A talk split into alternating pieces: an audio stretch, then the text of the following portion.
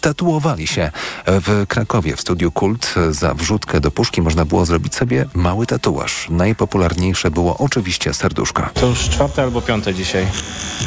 Stwierdziłam, że chcę wesprzeć WOŚP, a ten tatuaż podobał mi się najbardziej, ten wzór. Zawsze pomagają Wośpowi. No i stwierdziłem, że to jest fajna inicjatywa i zawsze można przełożyć rękę do czegoś takiego. Stwierdziliśmy, że super formą wsparcia i zbierania serduszkowych naklejek będzie tatuaż zamiast właśnie naklejki, żeby mieć a, pamiątkę w sumie do końca, żeby wesprzeć orkiestrę, grać tutaj razem. Będę miała pamiątkę z 32 finału. A jak co roku Radio Tok FM gra z Wielką Orkiestrą Świątecznej Pomocy. Po szczegóły warto zerknąć na tokefm.pl ukośnik aukcje. Słuchasz informacji TOK FM. Były premiery Aleksander Stup i były szef MSZ-u Pekka Havisto najpewniej zmierzą się w drugiej turze wyborów prezydenckich w Finlandii. Wynika ze wstępnych wciąż rezultatów dzisiejszego głosowania. To na podstawie danych po przeliczeniu 61% głosów oddanych w pierwszej turze. Stup zdobył 28% głosów, a Havisto 26% podał resort sprawiedliwości. Lokale wyborcze zostały zamknięte w Finlandii trzy godziny temu. Głosy mają być podliczone jeszcze dziś. Złapano dwóch napastników podejrzanych o przeprowadzenie ataku w kościele katolickim w Stambule, w wyniku którego zginęła jedna osoba, informuje Ministerstwo Spraw Wewnętrznych tego kraju.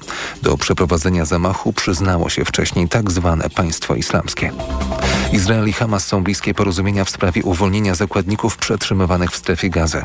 Donosi o tym amerykański New York Times, powołując się na źródła rządowe w Waszyngtonie. Cezary Jaszczyk. Projekt zaproponowany przez amerykańskich negocjatorów zakłada dwumiesięczne zawieszenie broni w zamian za uwolnienie więźniów w dwóch turach. Na początku Hamas miałby wypuścić kobiety, dzieci i osoby w podeszłym wieku. Później mężczyzn. Zdecydowanych działań w sprawie zakładników domaga się wielu Izraelczyków. To najważniejszy cel i powinniśmy zrobić wszystko, by ich uwolnić. Głównym celem jest sprowadzenie wszystkich do domu. Mówił jeden z protestujących przed rezydencją izraelskiego premiera Benjamina Netanyahu. Według mediów amerykański projekt porozumienia w sprawie zakładników będzie dyskutowany dziś w Paryżu. Cezary Jaszczyk, TOK FM. W każdy weekend ferii na Polanie Kratówki odbywa się szkolenie lawinowe. Wiadomo, że zimą w Tatrach niezbędne jest tak zwane lawinowe ABC, czyli sonda, detektor i łopatka, ale nie każda osoba potrafi z nich właściwie korzystać, mówi Tomasz Wojciechowski, ratownik TOPR. Tutaj mamy taki uchwyt, który musimy trzymać, żeby nie było tak, że jak rzucimy tą sondę, to później będziemy musieli gdzieś tam daleko lecieć i, i ją szukać. Szkolenia cieszą się sporym zainteresowaniem. Biorące w nich udział przyznają, że podczas nich można dowiedzieć się wielu ciekawych rzeczy. Przede wszystkim przypomnieć sobie na początku zimy tutaj, jak faktycznie działać, bo co z tego, że się to wszystko wie, jak przychodzi sytuacja krytyczna i wszystkiego się zapomina, jeśli się tutaj nie przypomniało. W każdy feryjny weekend na Kalatówkach ratownik TOPR dyżuruje od 9 do 14. Aleksander Zniszczał, Kamil Stok, Dawid Kubacki i Piotr Żyła zajęli ósme miejsce w drużynowym konkursie podczas Mistrzostw Świata w lotach narciarskich w austriackim Bad Mittendorf. Wygrali broniący tytułu Słoweńcy. Srebrny medal zdobyli Austriacy, brąz wywalczyli Niemcy. Biało-czerwoni wyprzedzili jedynie Amerykanów, którzy odpadli po pierwszej serii. Teraz prognoza pogody. Pogoda. Dzień to zachmurzenie małe i umiarkowane, tylko na wschodzie będzie początkowo duże. Temperatura maksymalna w rejonach podgórskich Karpat około 1 stopnia, plus 2 na południu i wschodzie, 5 w centrum do 9 na południowym zachodzie Polski. Radio TOK FM. Pierwsze radio informacyjne. Dobra terapia. Dobry wieczór, to jest audycja Dobra Terapia. Przy mikrofonie dr Armen Mechakian. Oraz jak zawsze Zuzanna Piechowicz. Jak zawsze w niedzielny wieczór zachęcamy Państwa, abyśmy wspólnie przyjrzeli się naszemu zdrowiu psychicznemu. To jest audycja psychoedukacyjna, czyli mimo tego, że jesteś psychologiem i psychoterapeutą, nie prowadzisz psychoterapii tutaj na antenie, ale dużo rozmawiamy o tym, jak dbać o swoje zdrowie psychiczne, jak dbać o swoje relacje, jak dbać o tę sferę życia. W rzeczy samej rozmawiamy o zdrowiu psychicznym przez pryzmat zdrowia, a nie choroby, czyli nie mówimy tylko o różnych trudnych y, y, kwestiach, o zaburzeniach, o diagnostyce, o klasyfikacjach i tak ale poruszamy się wśród takich bliżej nam tematów, takich, które dotykają nas na co dzień, i zastanawiamy się, co tu robić, jakie podejmować decyzje, jak w zmaganiu z różnymi trudnościami, no właśnie mieć na uwadze to zdrowie psychiczne. Często tutaj też rozmawiamy o relacjach i chciałam Cię zapytać, gdzie byś na takiej mapie tego, jakie znaczenie dla zdrowia psychicznego mają różne czynniki, zdrowie somatyczne, czyli fizyczne, jakieś predyspozycje genetyczne, nasze doświadczenia, gdzie byś ustawił relacje w takiej kategorii ważności?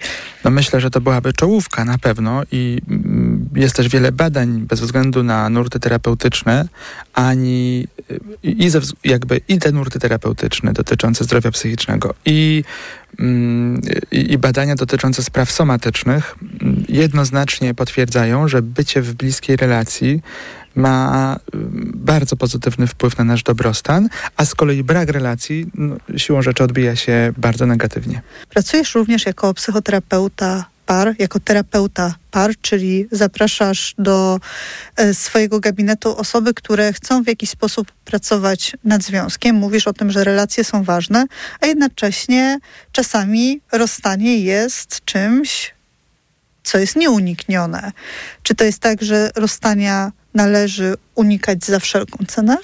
No i tym sposobem dotknęliśmy już, można powiedzieć, tytułu naszej dzisiejszej rozmowy, czyli e, jak się rozstać e, z głową, czy jakoś inaczej moglibyśmy to nazwać. Jak się dobrze rozstać, no jak właśnie. się świadomie rozstać. Żeby myślę. to nie było kosztem tej relacji właśnie. Czyli można e, powiedzieć, że rozstanie się zupełnie nie musi być w kontrze z dobrą relacją.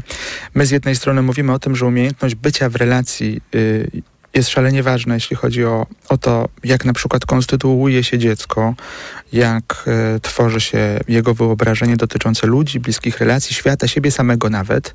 I zresztą, gdybyśmy się zastanowili jako dorośli ludzie, z czym my mamy zazwyczaj problem, na przykład z jakiego powodu idziemy do terapeutów, to też byśmy doszli do wniosku, że ten powód zazwyczaj był gdzieś głęboko w, w relacjach, albo w braku tych relacji, albo, albo w tym, że te relacje były krzywdzące, czyli że one były, ale, były, ale były krzywdzące. I teraz cała sprawa z rozstaniem polega na tym, żebyśmy byli w stanie w taki sposób e, się rozstać lub mm, nie robić tego pochopnie, czyli, czyli na przykład się nie rozstawać, żeby nie robić sobie i innym krzywdy. Myślę teraz o systemie rodzinnym, tak? Czyli mówiąc o tej krzywdzie, bardzo często nasze podejście do rozstania mm, jest... Y, mocno emocjonalne, y, można powiedzieć, dotknięte tym, co my przeżywamy w danym momencie, i y, wtedy bardzo często podejmujemy decyzje, które niekoniecznie są dobre dla na przykład innych uczestników y, tej rodzinnej gry.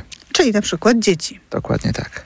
Mówisz, że rozstanie nie jest końcem re relacji. Jak to rozumiesz? Bo rozstanie z definicji no, ma w sobie jakiś koniec. Może, może zamieniłbym y, to zdanie, może nie w takim znaczeniu, że rozstanie nie jest końcem relacji, ale że rozstanie nie musi być kosztem relacji. To znaczy, mówimy o tym, że relacja, umiejętność bycia w bliskiej relacji, umiejętność doświadczenia różnych trudnych emocji w relacji, umiejętność y, rozumienia tego, że my y, żyjemy wśród, wśród innych ludzi, że ten świat jest tak konstruowany, że nie jesteśmy sami. Mm, no i teraz w zależności od tego, jakie mieliśmy doświadczenia wokół tej kwestii relacyjnej, no to albo wierzymy w swoje umiejętności, albo nie wierzymy, albo mamy takie poczucie, że jesteśmy niechciani, albo że y, niemal zawsze od dziecka, od kiedy pamiętamy, mieliśmy takie poczucie, że któryś z naszych rodziców y, nas nie chciał, albo go nie było, albo jej nie było. No, tu możemy mnożyć y, te y, opcje wokół relacji, ale chodzi o to, żeby mówiąc takim bardzo prostym językiem, żebyśmy uzmysłowili to sobie, że to, jaka jest jakość relacji, nasza odbija się nie tylko na nas, ale też na przykład na naszych dzieciach, ale też w zależności od jakości relacji, w której my urośliśmy, y, w zależności od tego, na jaką relację my patrzyliśmy, jakby w, jakie jak gdyby słońce było relacją, to moglibyśmy powiedzieć, e, pod jakim słońcem urośliśmy, czyli pod jaką relacją e, dorastaliśmy i stawaliśmy się takimi dorosłymi ludźmi, to w zależności od tego e, myślimy o sobie w jakiś charakterystyczny sposób, myślimy o innych, mamy takie różne wizje relacji w przyszłości, myślimy o tym, co nas uszczęśliwia, a co nie, mm, co predysponuje w ogóle nas do podejmowania jakichś działań, wysiłku. Słowem, naprawdę ta relacja, ta, w której my pod którą my urośliśmy, zasadniczo pod każdym względem układa całe nasze życie, mm, jeśli oczywiście intencjonalnie w którymś momencie nie, postanowimy tego zmienić. No, to jest kluczowe, co powiedziałeś na koniec, bo myślę, że wiele osób, patrząc na przykład na relacje swoich rodziców, e, czy relacje różnych osób w otoczeniu, raczej nie znajduje takiego wzoru do naśladowania e, i często wręcz chcemy zachować się w życiu inaczej. I chciałam Cię w związku z tym zapytać, czy, czy to jest tak, czy to tak działa, że jeżeli nie ma tej intencjonalnej pracy, to na przykład dziecko rodziców, które się rozwiedli, w dorosłym życiu ma taką większą predyspozycję, większą łatwość do tego, żeby na przykład rozwieść się ze swoim partnerem, partnerką, żo żoną, mężem. Tutaj rozstanie, rozwód, nie chodzi mi o, o jakieś takie formalne zależności, tylko bardziej o, o kwestię tej sytuacji, powagi tej sytuacji. Czy trwałości relacji po Tak prostu, jest, prawda? na przykład takiej wieloletniej tej takiej relacji, która no, miała być w jakimś takim marzeniu, nie chcę powiedzieć docelową, bo to też nie o to chodzi, tylko czy jest pewna większa łatwość w rozstaniu? To jest bardzo ważne pytanie i często myślę, że właśnie tak, y, tak rozumiemy ważność relacji. Myślę też, że to jest kwestia takiej wszechobecnej psychologii, w której mamy dążenie do tego, żeby mm, jakoś ułatwić, tak lepiej zrozumieć, jakie mogą być konsekwencje jakichś tam na przykład deficytów, prawda? Czyli na przykład jeżeli nie miałem wzorca w dzieciństwie, no to pewnie ja też się rozstanę. Albo jeżeli mój ojciec pił jak ja byłem dzieckiem, to ja też będę piła. Jeżeli moja matka coś, to ja też coś. To jest dla mnie opowieść o winie i odpowiedzialności i Mhm. różnicy między e, winą a odpowiedzialnością, bo to, że moi rodzice się rozstali na przykład, albo rozwiedli, na przykład ten rozwód nie był ładny, nie jest moją winą, ale moją odpowiedzialnością jest to, co ja zrobię z tym doświadczeniem w przyszłości i jakie wzory chcę powielać i jak chcę pracować nad tym, żeby pewnych nie powielać. Yy, czyli mówimy teraz tutaj o, o, o wpływie, tak, że my mamy wpływ na nasze życie i możemy mieć ten wpływ na, na, na odpowiednich etapach tego życia i możemy coś z tymi trudnymi doświadczeniami też zrobić. Zaraz do tego przejdę, ale przez chwilę się skupię nad tym, yy, o, o co zapytałeś wcześniej, czyli powiedziałeś o tym, o tym wzorcu, czyli że jeżeli mm, mielibyśmy y, taki wzorzec, w którym nasi rodzice się rozstali, no to czy my mamy większą predyspozycję do tego, żeby się rozstać? Tutaj na sekundę chciałem się zatrzymać i powiedzieć, że w zasadzie ta zdrowa relacja, o których mówią badania, no, której, od której też my zaczęliśmy, że ta ro- zdrowa relacja jest rodzajem słońca, która, m, który powoduje, że rośniemy, to w tej zdrowej relacji wbrew pozorom wcale nie chodzi o wzór. Kompletnie nie chodzi o to, że ci nasi opiekunowie, ci nasi rodzice mają być wzorem, wzorem dla nas i że my potem mm, zrobimy to, co oni robili. To jest taki zbyt, w moim przekonaniu, zbyt duże uproszczenie, a raczej chodzi o to, czego my doświadczaliśmy, będąc w relacji z nimi. Może się okazać, że nasi rodzice popełnili cały szereg błędów, mm, takich, które my, my z całą pewnością, pe- pewnością nie chcemy mm, powielać w naszym życiu. Ale jednocześnie może się okazać, że to co, to, co my doświadczaliśmy w relacji z tym naszym rodzicem, spowodowało, że my mamy dość solidne myślenie o sobie, e, mamy mm, przyzwoite myślenie o innych, wyobrażenia e, na temat tego, jaka jest nasza rola w, w ogóle w tym świecie. Chcę powiedzieć, że mm, nie, na, na udzielaniu y, jakiegoś wzorca, wypracowaniu wzorca nie kończy się rola rodzica i, i to nie o to chodzi w relacji. Znacznie bardziej chodzi w relacji o to, żeby mm, ktoś, kto z nami jest w relacji, y, na przykład dziecko, y, mogło mm, mieć takie poczucie na przykład, że rodzic, y, że dla rodzica jesteśmy ważni, że rodzic się liczy tym, co się z nami zadzieje. Ja często y, tutaj małą dygresję zrobię, pracując w gabinecie z dorosłymi ludźmi, którzy na przykład, mm, gdybym miał pokrótce opisać, jacy to są ludzie, jak funkcjonują, to mógłbym powiedzieć, że to są osoby wysoko funkcjonujące, osiągające, imponujące mm, y, jakieś cele życiowe, sukcesy zawodowe. To są osoby mające uporządkowane życie, kontrolę nad swoim życiem, bardzo interesujące osoby. Yy, ale coś, co nieustannie, bez względu na lata mm, zdobywanych sukcesów, oddziałuje negatywnie na ich życie, to jest to, że oni potrzebują zewnętrznego potwierdzenia, że są ważni, albo że coś zrobili dobrze. Albo nieustannie się zmagają wyrzutami sumienia związanymi z tym, czy nie mogli zrobić coś lepiej. Dopóki nie mają potwierdzenia takiego, mm, od jakiegoś autorytetu albo, nie wiem, przełożonego, przyjaciela, kogokolwiek z zewnątrz, jakieś zewnętrzne potwierdzenie, że jesteś ok, to u nich jest niepokój związany z tym, czy ja jestem ok, czy nie jestem ok. I teraz o co chodzi, co to wspólnego ma z relacją? Y, jeśli byśmy sobie wyobrazili taką sytuację, że nasi rodzice nie tworzyli takich warunków, my jako dzieci nie doświadczaliśmy na własnej skórze takiego czegoś, co nazwałbym zaufaniem do dziecka. Czyli na przykład y, dziecko nigdy nie słyszało, jak rodzic przeprasza za błędy. Na przykład mówi, słuchaj, przepraszam, pomyliłem się, nie miałem racji. Albo dziecko nie doświadczyło na własnej skórze, że rodzic yy, na przykład dał się przekonać. Na przykład wydarzyło się coś yy, w życiu. Ja, ja, pamiętam na przykład żywo yy, kilka takich przykładów, w których, na przykład, w których zdarzyło się, e, że e, wzywali moją mamę do szkoły, ponieważ coś tam zrobiłem, narozrabiałem w jakiejś sprawie. E, te moje, to moje narozrabianie zazwyczaj polegało na tym, że ja w sposób bardzo przesadny stawałem w czyjejś obronie, w jakiejś sprawie, albo ogłaszałem y, jakieś takie moje poglądy dotyczące tego, że czegoś nie zrobię, albo uważam, że coś jest nie w porządku. Byłem dzieckiem, więc często robiłem mm, różne y, ruchy nie, nieprzemyślane, które nie były strategicznie dobre. No i wzywana była moja mama. I niejednokrotnie doświadczałem takich sytuacji, w których to Wiedziałem, że moja mama jako dorosła osoba musi się zachować jak należy, mm, czyli na przykład musi powiedzieć, że porozmawia ze mną, że rzeczywiście rozumie, że takie zachowanie nie było dobre, ale byłem też przekonany, że jeśli ja wyjaśnię mojej mamie, co się wydarzyło, oraz podam jej argumenty, z których wynikać będzie to, że ja powinienem był się tak zachować, jak się zachowałem, to ona nie będzie podważała moich argumentów. I to jest coś, co mógłbym powiedzieć, że jest fundamentem tego, co ja o sobie dzisiaj myślę, przy oczywiście wielu błędach rodzicielskich moich rodziców. Natomiast takie poczucie... Ja tylko dodam, że błędy rodzicielskie są nie do uniknięcia.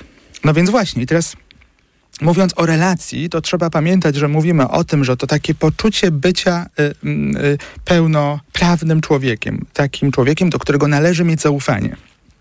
To jest coś, coś, coś bardzo ważnego.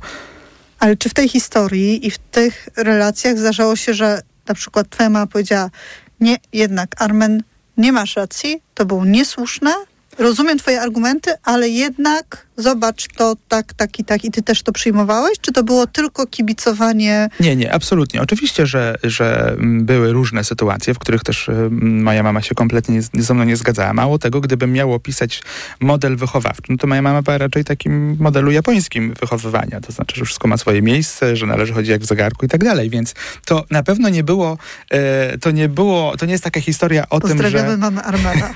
to nie jest e, e, historia o tym, że mamy rozbestwione dziecko, które może robić wszystko, co chce, bo jest najmądrzejsze. Nie. To jest bardzo ważne właśnie założenie, żeby też e, pokazywać, że w tej relacji później dorosłej też nie zawsze mamy rację Mało i nasze tego, potrzeby, nasze widzenie świata nie jest jedynym obowiązującym. Dokładnie tak. Mało tego, przecież jako rodzice na pewno nie jesteśmy w stanie też uniknąć takich sytuacji, w których zachowamy się niesprawiedliwie e, w relacji z dzieckiem, tak? Albo czegoś nie zobaczymy, nie zauważymy, potem e, uznamy, że to było nie w porządku, co zrobiliśmy. Jakby to, to wszystko jest absolutnie naturalne i to jest cięż, częścią życia. Chodzi, chodzi tylko o to, żeby dziecko y, miało takie poczucie, że jest poważnie traktowane.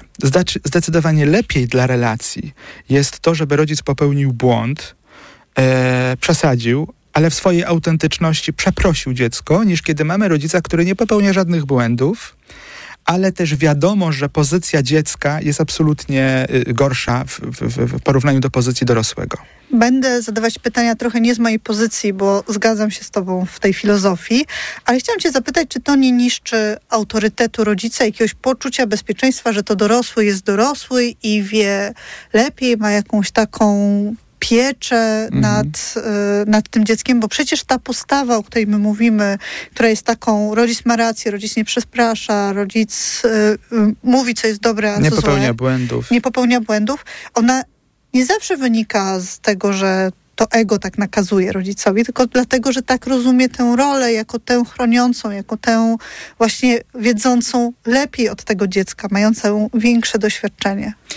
To jest bardzo ważne pytanie, bo z drugiej strony mamy takie poczucie, że mm, szczególnie w ostatnich latach, kiedy mamy duży, dużo większy dostęp do edukacji, do takiej psychoedukacji i tak dalej, do bardzo wielu rodziców y, jest skoncentrowanych na tym, żeby mm, y, przeczytać, y, wysłuchać y, jakichś rad dotyczących tego, jak robić, czego nie robić. Mm, jakoś bardzo wiele rodziców jest skoncentrowanych na tym, żeby nie popełniać błędów, a w tym wszystkim jest dużo większa szansa, że umknie nam bycie w relacji z dzieckiem. Już już, już się tłumaczysz, mówię, co mam na myśli, bo y, jakby skracając tę wypowiedź, to mógłbym powiedzieć, że wbrew pozorom czasami rodzic, który jest bardzo niedoświadczony w byciu rodzicem, jest bardzo młody, y, nie wie, co robić z tym dzieckiem, jak nie popełniać błędów i tak dalej, ale zdaje sobie sprawę, że jest niedoświadczonym rodzicem, to, to taki, takiemu rodzicowi wbrew pozorom będzie łatwiej być w relacji z dzieckiem, bo ten rodzic będzie po prostu autentyczny. On nie będzie odgrywał jakichś scenek przed, y, przed dzieckiem, żeby to dziecko miało do niego respekt, tylko po prostu będzie autentyczny. I no i rodzic, który będzie ciągle skoncentrowany na tym, żeby zachowywać się właściwie, to może po prostu umknie mu dziecko. Może nie zauważy w ogóle, że z tym dzieckiem nie jest w żadnej relacji. I potem to dziecko już ma kilkanaście lat i już okazuje się, że te same argumenty y, kartonowe, mm, mające na celu budowanie naszej, naszego autorytetu rodzicielskiego, po prostu mają się no, niejak do, do rzeczywistości. Słowem, to jest tak, jakbyśmy sobie wyobrazili rząd autorytarny i taki demokratyczny. Oczywiście, że my mówimy o tym, że w demokratycznym państwie mm, są zasady, że szanujemy pewne instytucje, że mamy respekt przed pewnymi instytucjami, co do których nie mamy wątpliwości, że one powinny być właśnie dla dobra całego społeczeństwa. Że nie jest idealny. Tak, jak najbardziej. Mamy pewien model, w którym rozumiemy jako dorośli ludzie, że szanujemy pewne, pewne na przykład instytucje. Natomiast jeżeli zadziałoby się coś takiego, co się dzieje w państwach y, autorytarnych, że, że, że osoby zarządzające y, mówią, że będziemy siłą i pewną y, taką mm, inscenizacją zachęcać ludzi do tego, żeby nas szanowali, bo inaczej y, wymk wymknie się nam coś spod kontroli, no to to nie jest rozwiązanie. To jest takie rozwiązanie do czasu. Słowem, y, chodzi o to w relacji, żeby dziecko wiedziało, że są pewne granice, żeby wiedziało, że są pewne konsekwencje jego zachowań, żeby wiedziało, że nie jest pępkiem świata i że nie jest sam na, na tym świecie, ale z drugiej strony, żeby wiedziało od, od początku, że to jest człowiek, z którym można rozmawiać, z którym można mm, dyskutować, którego można uczyć różnych rzeczy, pokazać pewne konsekwencje, a nie narzucać y, jedyne dobre rozwiązanie, i, i, I, liczyć na to, że dziecko nie zorientuje się, że my popełniamy błędy, no bo jak się zorientuje, to mu się światopogląd posypie. Nasza audycja, tytuł dzisiejszej audycji to jak się dobrze rozstać, a nie jak się nie rozstawać. Powiedz mi, w jakich sytuacjach z Twojej perspektywy to rozstanie to jest dobre rozwiązanie? I chciałabym wyłączyć sytuację jakiejś przemocy, jakiegoś takiego nadużycia, wiesz, te takie oczywiste przykłady. Tylko w którym momencie, jak przychodzi do Ciebie para, to masz takie poczucie, no, że jednak tej parze się nie uda i popracujmy nad tym, jak się dobrze rozstać, a nie nad tym, jak ten związek uratować, bo to jest też ważne i tutaj odsyłam Państwa do naszego odcinka o właśnie e, terapii par, że no, to jest tak, że celem terapii par nie jest uratowanie tego związku za wszelką cenę. Bardzo dobrze to powiedziałaś. Celem terapii par nie jest uratowanie związku za wszelką cenę, ale też nie jest yy, wyznaczanie, czy tam, jakby to powiedzieć, diagnozowanie tego, czy powinni się rozstać, czy nie. W zasadzie terapeuta pary nie zajmuje się diagnozowaniem tego, czy państwo powinni się już teraz rozstać, czy nie. Jednak Y, ten proces cały tworzy takie bardzo dobre warunki do tego, żeby ci ludzie to zobaczyli. Czyli na pewno y, proces terapeutyczny, terapii pary jest takim procesem, mm, który jest pozbawiony jakiegoś takiego sztucznego, wypełnionego nadzieją uniesienia, że jak się bardzo postaramy, to wszystkie problemy znikną. Tylko ten proces polega na tym, że na początku przynajmniej, próbujemy zrozumieć, co się dzieje. Możemy powiedzieć, że mm, mówiąc takim językiem, mm, takim profesjonalnym chyba trzeba by powiedzieć, próbujemy konceptualizować problem, czyli zastanawiamy się, co jest, jaki jest koncept tego problemu, czy jak, jaka jest jakby... Nazwać go, określić, spróbować jakieś ramy mu nadać. Trochę tak, jakbyśmy mieli y, zrozumieć fundamenty jakiejś budowli, tak? Próbujemy, spa, próbujemy patrzeć na plan y, jakiegoś tam, jakiejś nieruchomości. Ja wiem. Me metafory, y, jeżeli chodzi o samochód i architektoniczne, to są te, te dwie twoich ulubionych kategorii metafor. To, to prawda, będę się starał rozszerzać e, ten obszar. Ja bardzo lubię te dwie kategorie, więc to nie chodziło o rozszerzanie, ale Więc, są... e, czyli, czyli chodzi o to, że na początku, kiedy ktoś przychodzi do gabinetu, czyli para przychodzi do gabinetu, to staramy się zrozumieć, co się dzieje, czyli co jest takim właśnie zasadniczym u fundamentu, powodem tego problemu, bo nie zawsze to, z czym para przychodzi, jest no właśnie fundamentem tego problemu. Czyli to może być y, czwartym piętrem na przykład. Tak, to, to może być to, to yy, bo wiesz, cała sprawa polega na tym z terapią pary. Zresztą to jest bardzo podobnie do terapii indywidualnej.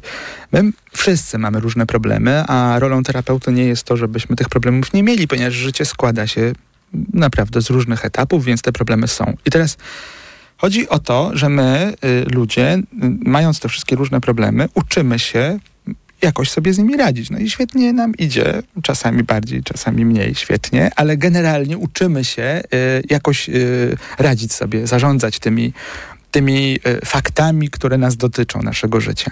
A do terapeutów zazwyczaj idziemy wtedy, kiedy nam się ta układanka zaczyna sypać, kiedy, kiedy po prostu już nie jesteśmy w stanie udźwignąć tych różnych y, pięter właśnie, yy, z, z, których składają się te nasze problemy. I siłą rzeczy przychodzi się do gabinetu z tym właśnie, co się ostatnio zadziało, albo, mm, albo co od ostatnich kilku lat się dzieje. Ale y, y, uczestnicy tego zjawiska, czyli para, ma duże trudności z, z, oczywistych powodów dostrzeżenie tego, co jest rzeczywistym y, fundamentem y, tego problemu. I terapią pary, jakby rolą terapii pary jest to, żeby najpierw zobaczyć właśnie, co, co nimi powoduje, można powiedzieć, tak? Co powoduje, że oni się tak zderzają co jakiś czas o zmywarkę, o dziecko, o jakieś niby można powiedzieć, realistyczne problemy, bo z dnia codziennego, ale za nimi kryje się coś, coś istotnego, czego oni mogą nie widzieć. I temu służy terapia pary, żeby zobaczyli. No i teraz, no i teraz może być tak, że jak już zobaczą tę przyczynę, zrozumieją, co powoduje, że oni się nieustannie na przykład kłócą, to dojdą do wniosku, że chcą mm, włożyć wysiłek, czas, energię na to, żeby naprawić coś co się na jakimś etapie zepsuło, lub mogą dojść do wniosku, że tego nie chcą robić, bo na samą myśl, że mogliby się rozstać, no mają poczucie, yy, yy, jakby kamień serca spadł, że, że to jest taka okazja, w, przy której mogą w końcu dotknąć tych obszarów, które przez lata były zamiecione pod dywan i na przykład słyszą od partnera, partnerki w tym procesie, że nie ma mowy, żeby potrzeby zaniedbywane mm, nam której ze stron były y, y, uwzględnione przez na przykład partnera albo partnerkę. Słowem, słysząc to, jak wygląda ten proces, możemy dojść do wniosku, że nie chcę stracić mojego męża, mojej żony, mojej partnerki, partnera, lub dokładnie odwrotnie. Nie chcę ani dłużej chwili, ani chwili z nim dłużej być, czy z nią. Bo człowieka, którego tu widzę, po prostu nie chcę. Żeby też zobaczyć ten proces, bo mówisz, że na tym czwartym piętrze jest ta zmywarka. Co może być u, fundam u fundamentu takiej zmywarki? I ja nie mówię, że to znaczy, że ta zmywarka jest efektem przyczynowo-skutkowym, tylko co może być takimi przykładami tych fundamentów, do których się dochodzi w terapii pary, jak się tam pogrzebie i, mhm. i zobaczymy, co się dzieje? Żebyśmy mieli taki mhm. ze słuchaczami, słuchaczkami jakąś taką, taką wizję tego, co tam może się kryć. Postaram się podać możliwie najprostszy przykład, jaki mi przychodzi do głowy. Rzecz jasna, proszę tego nie traktować dosłownie, bo sytuacje są bardzo różne. Ale wyobraźmy sobie taką sytuację na przykład, że e, właśnie para przychodzi mm, do gabinetu z tym, że się bardzo często kłócą, że teraz zauważyli, że dzieci nie są w stanie chronić przed y, tymi ich kłótniami, że dopóki dzieci były małe, to im się wydawało, że dzieci nic nie słyszą, swoją drogą dzieci wszystko słyszą. Y, I dzieci a... czują też, to znaczy to jest tak, że nawet jak nie słyszą krzyków, to jak widzą napięcie, jak się rodzice do siebie odnoszą po takiej tak. kłótni, to też jest coś, co odczuwają, że Mm. coś jest inaczej, więc No właśnie. To I, jest. y, I przychodzimy dlatego, że coraz częściej się kłócimy, y, kłócimy się na wakacjach, kłócimy się, kiedy, kiedy mamy odpocząć. No w zasadzie za każdym razem, kiedy jesteśmy ze sobą, to nie sposób, mm, kiedy się spotykamy w domu, tak? Bo jak jesteśmy w pracy gdzieś tam na delegacji w ogóle, no to jakoś to idzie. Natomiast jak jesteśmy ze sobą, to, to nie ma możliwości, żebyśmy się kłócili. Mm, Nie kłócili. No i, no i dobrze, szukamy tam jakichś różnych sposobów, mm, znaczy przyczyn, y, co to takiego. Oczywiście pary, uczestnicy te, tych kłótni mają bardzo wiele wtedy argumentów i historii dotyczących tego, co on zrobił, co ona zrobiła, a dlaczego, a że znowu.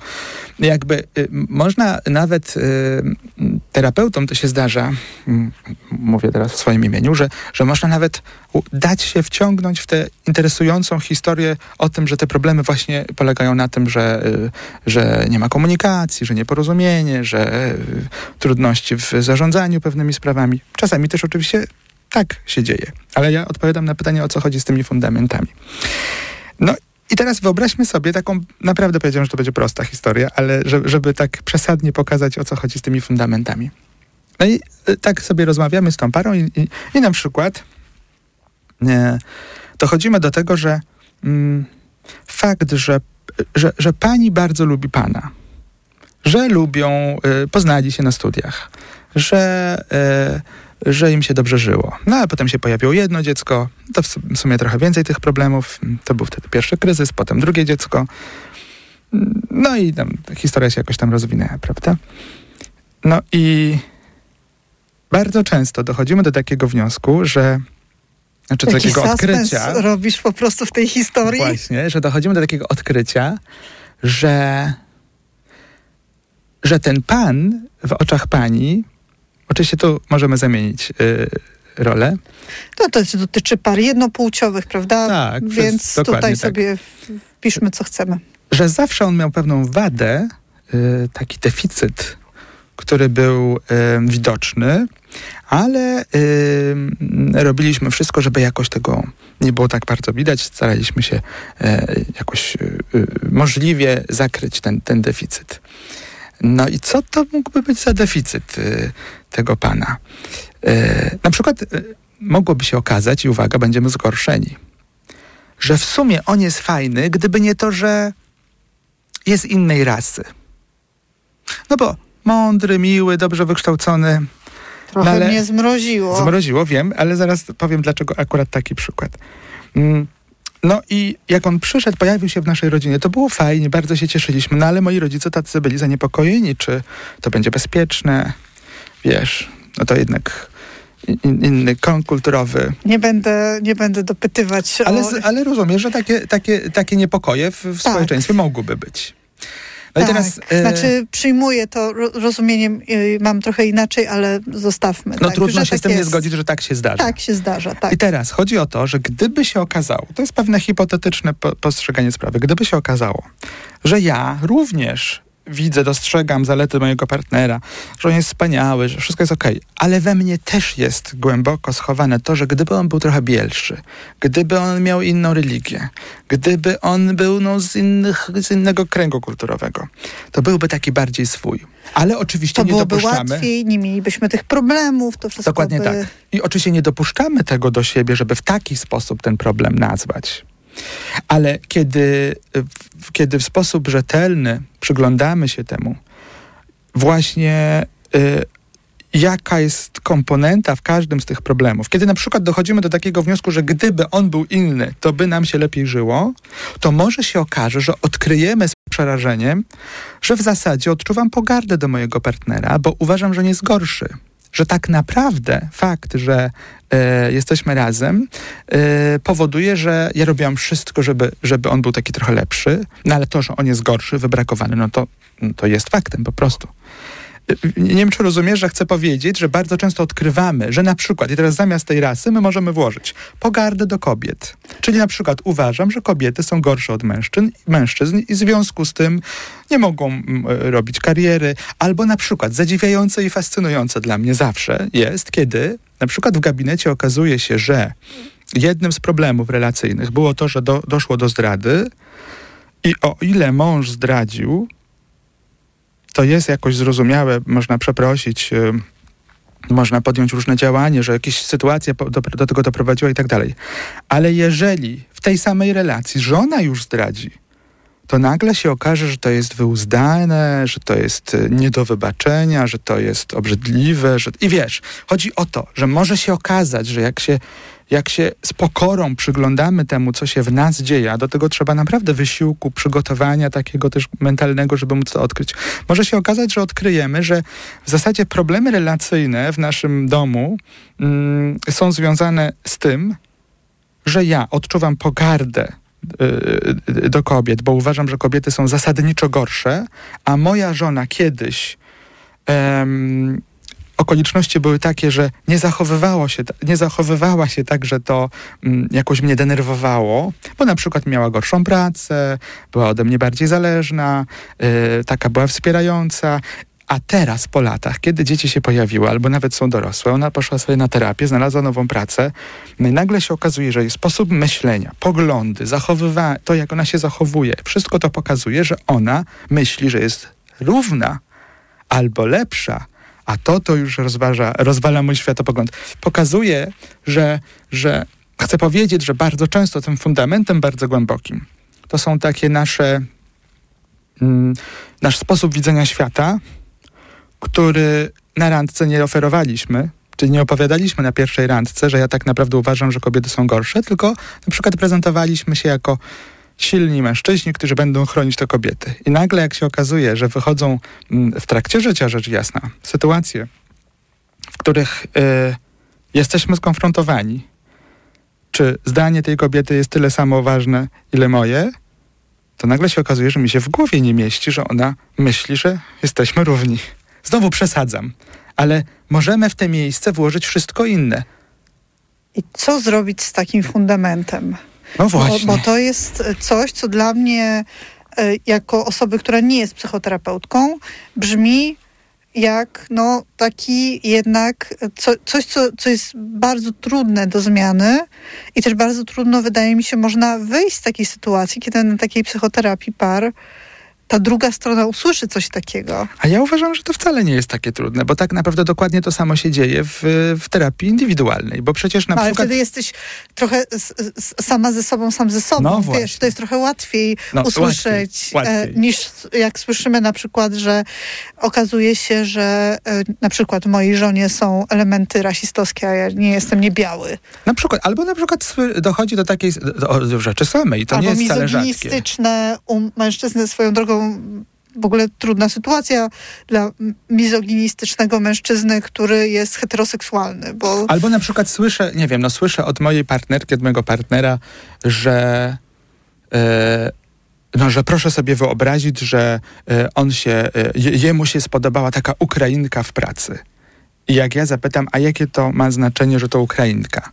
I idąc za tym, dojdziemy do wniosku, że wychodzą właśnie na jaw pewne e, e, mm, no, rasistowskie poglądy, czy jakieś takie poczucie wyższości, e, albo to, że uważamy, że inni są gorsi, lepsi i tak dalej. Może się okazać, że odkrywamy rzeczy, których, o których nawet nie mieliśmy pojęcia. Albo na przykład, no, y, moja partnerka, mój partner postanawia nie wiem, y, odkrywać swoją duchowość i postanawia być y, y, częścią jakiejś religii. I teraz nagle się okazać może, że są sprawy, które powodują, że ja nie jestem w stanie tego przeżyć. To znaczy, ja nie wyobrażam sobie tego, żeby moja żona miała inne poglądy religijne niż ja. Albo polityczne na przykład, tak? Y, cho- Chodzi o to, że te powody głęboko ukryte mogą być bardzo różne i rzecz jasna do nich się nie dochodzi na dwóch spotkaniach. Natomiast odpowiadając na twoje pytanie, co z nimi robić, no zasadniczo chodzi o to, żeby się zastanowić, czy jest taka gotowość do tego, żeby zobaczyć, że przyczyną różnych kłótni, które myśleliśmy, że y, są gdzie indziej, są właśnie te głęboko ukryte przekonania w nas. No i pytanie, czy bierzemy za to odpowiedzialność. Czyli na przykład, jeżeli ja na, na indywidualnej terapii usłyszałbym, odkryłbym, bo to nawet nie jest kwestia usłyszenia, tylko się po prostu odkrywa, że widzę u siebie pewne cechy, z którymi, których nie chcę mieć. Na przykład widzę, że mi, mi się wydawało. O, pod- podam wam, y, pa- państwu, drodzy Państwo, taki przykład.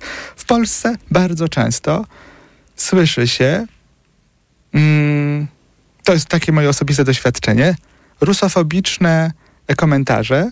Można taki komentarz po powiedzieć przy stole, można na przyjęciu.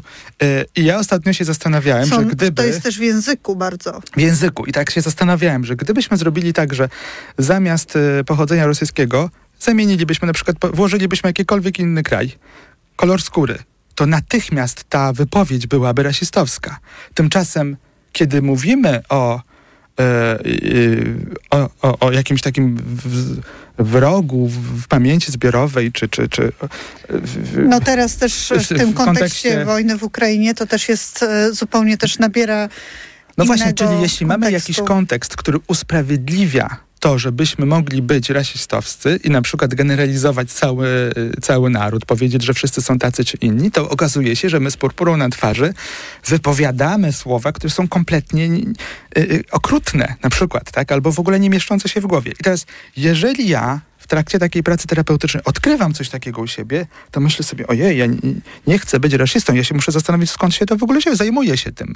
I też warto pamiętać, ja, to, jest, nie, to nie o tym jest ta audycja, ale jest też wielu Rosjan, wiele Rosjanek, którzy są przeciwko wojnie w Ukrainie, tutaj też w Polsce, którzy piszą o tym, protestują, więc e, W ogóle no nie To ma, jest- znaczy myślenie w współczesnym świecie, że wszyscy ludzie są tacy sami, no to, to, to jest... y, tak, ale też mam taką potrzebę, żeby to dodać, bo pojawił się ten e, konkretny kontekst.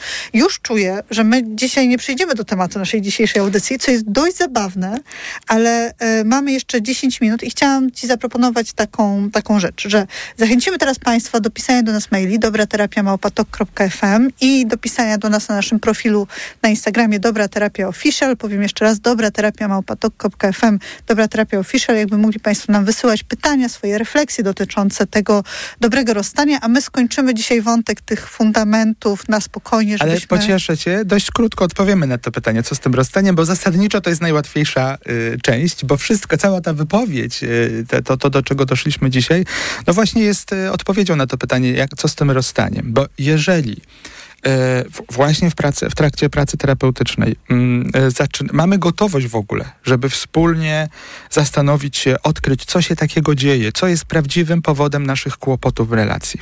Następnie mamy gotowość, żeby z pokorą zaglądać we własną osobę i się zastanowić, czy wszystko, co mną powoduje, y, zadawala mnie. Czy są we mnie jakieś obszary, które chciałbym zmienić.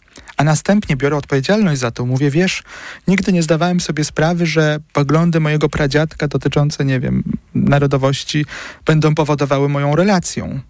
To wtedy mamy wspaniałą okazję do pracy.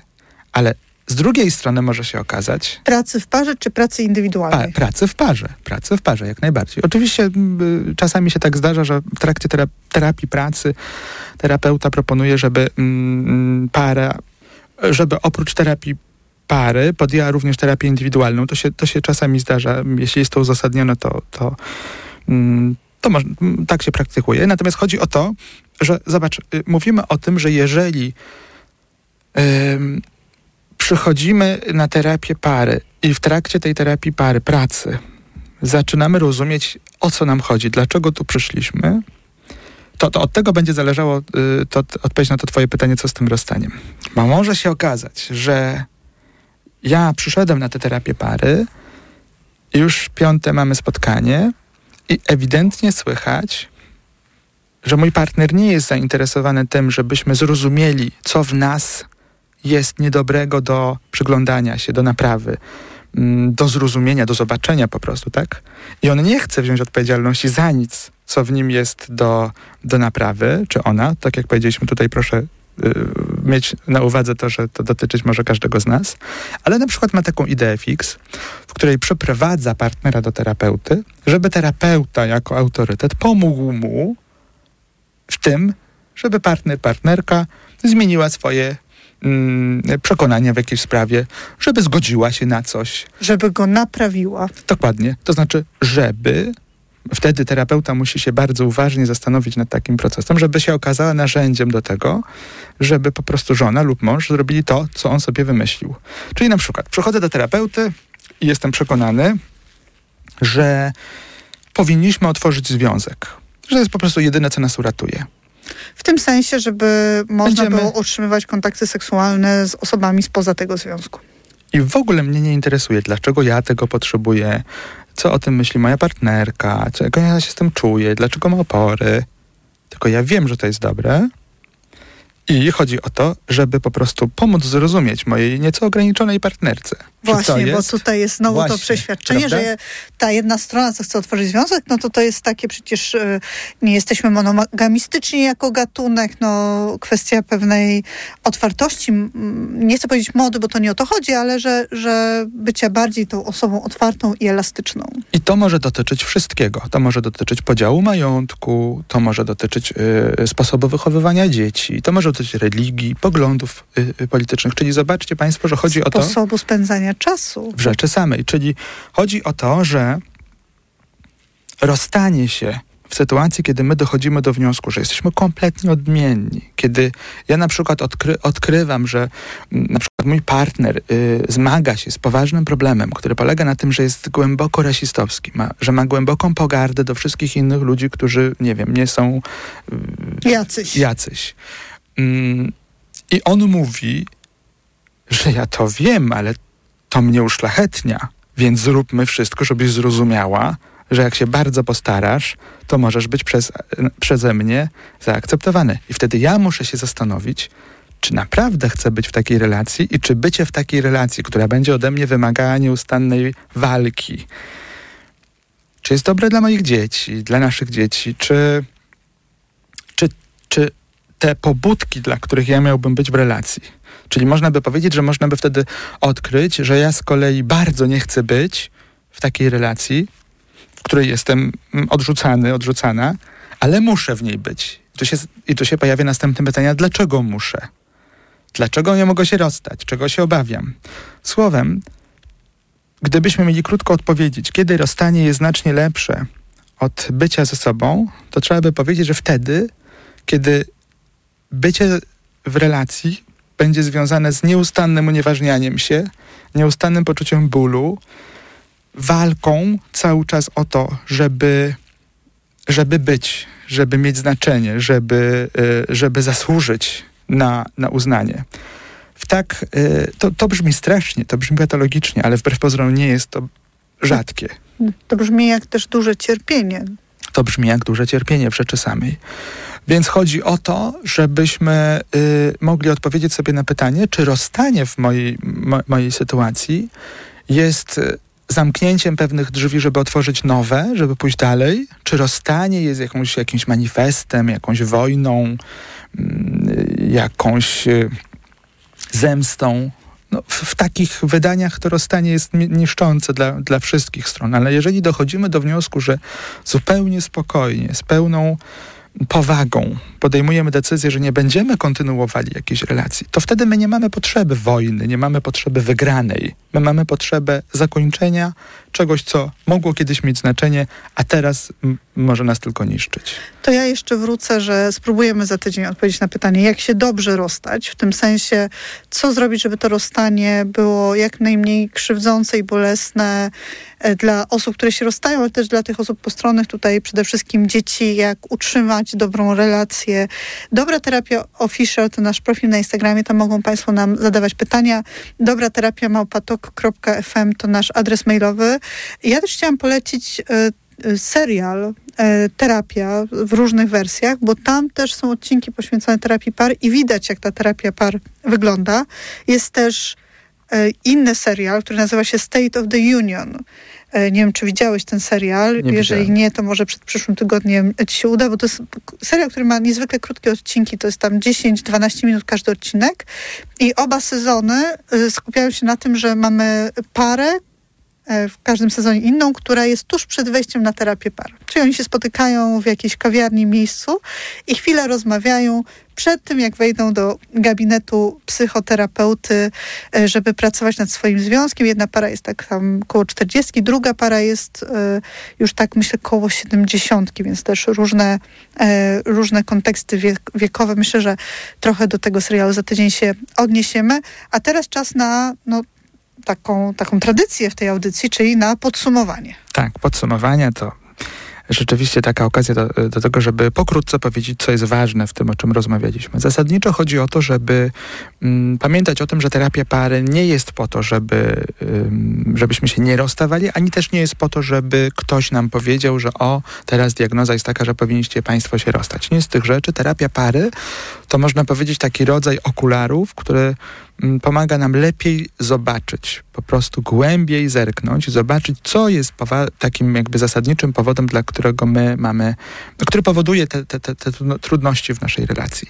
A następnie na, nadchodzi taki moment, w którym musimy indywidualnie odpowiedzieć sobie na pytanie, czy podejmujemy mm, wysiłek związany z walką o to, żeby te obszary zmienić, naprawić, bo wszystko się da zmienić, y, czy mamy takie wyobrażenie, że terapia ma pomóc nam zmienić partnera czy partnerkę to wtedy y, y, y, to jest jeden z mm, sygnałów, że nie powinna być terapia kontynuowana bez omówienia tej właśnie sprawy, prawda? Jeśli, jeśli, jeśli zorientowaliśmy się, że w terapii nie chodzi o, o, o to, żebyśmy zrozumieli się nawzajem, tylko chodzi o to, żebym ja coś zrobiła, czy żeby on coś zrobił, bo mogę mieć takie poczucie, że idę, żeby on zrozumiał, że musi się zmienić. I dlatego też y, terapeuta par to jest inna osoba niż y, osoba, która prowadzi indywidualną terapię z jedną z tych osób. Czyli na przykład jak ty prowadzisz psychoterapię z jakąś stroną, y, y, stroną, no tutaj od razu dałam stronę, ale z którąś z osób, osób. Z, tej, z, tej, z tej pary,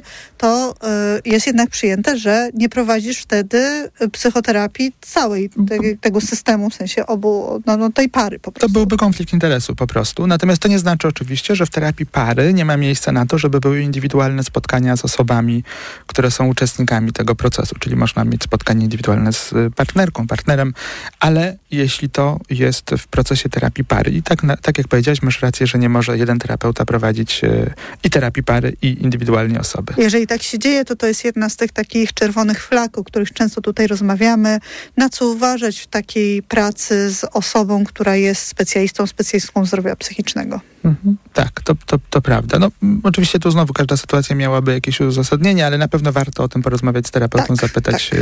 jaki jest jego mm, pomysł na to i dlaczego tak się dzieje. Zapraszamy za tydzień. W niedzielę po 22 zapraszamy na nasz profil na Instagramie Dobra Terapia Official i oczywiście do pisania do nas maili dobra terapia małpa tok.fm. A teraz już żegnamy się z Państwem. Zuzanna Piechowicz i dr Armen Mechakian. Do usłyszenia. Teraz czas na informacje Radio Tok FM. Dobra terapia.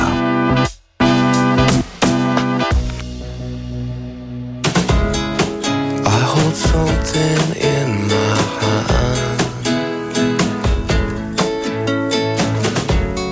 Feeling sick but bad too We belong together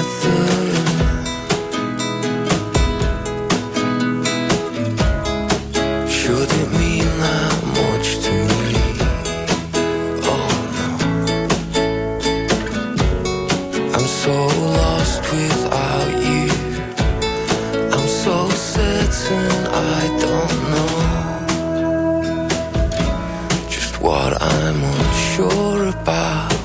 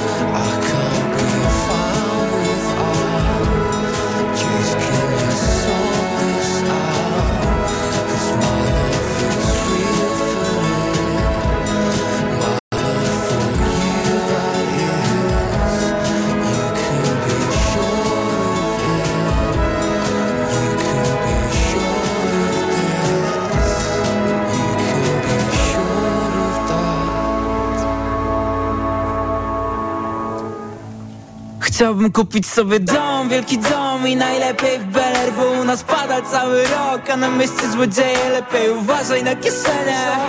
Co? Lepiej uważaj na kieszenie bo dawno zabrali hajs i pewnie dużo więcej. Na mieście wiele, wiele, wiele drobnych przestępstw. Pełne pęki kluczy, pełną pęgi i pewnie.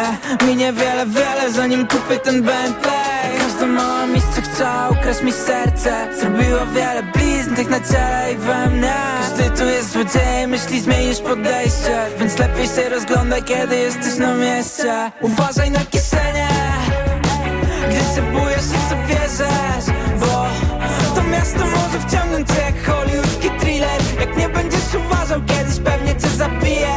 Uważaj na kieszenie Gdy się bujesz i co bierzesz Bo to miasto może wciągnąć cię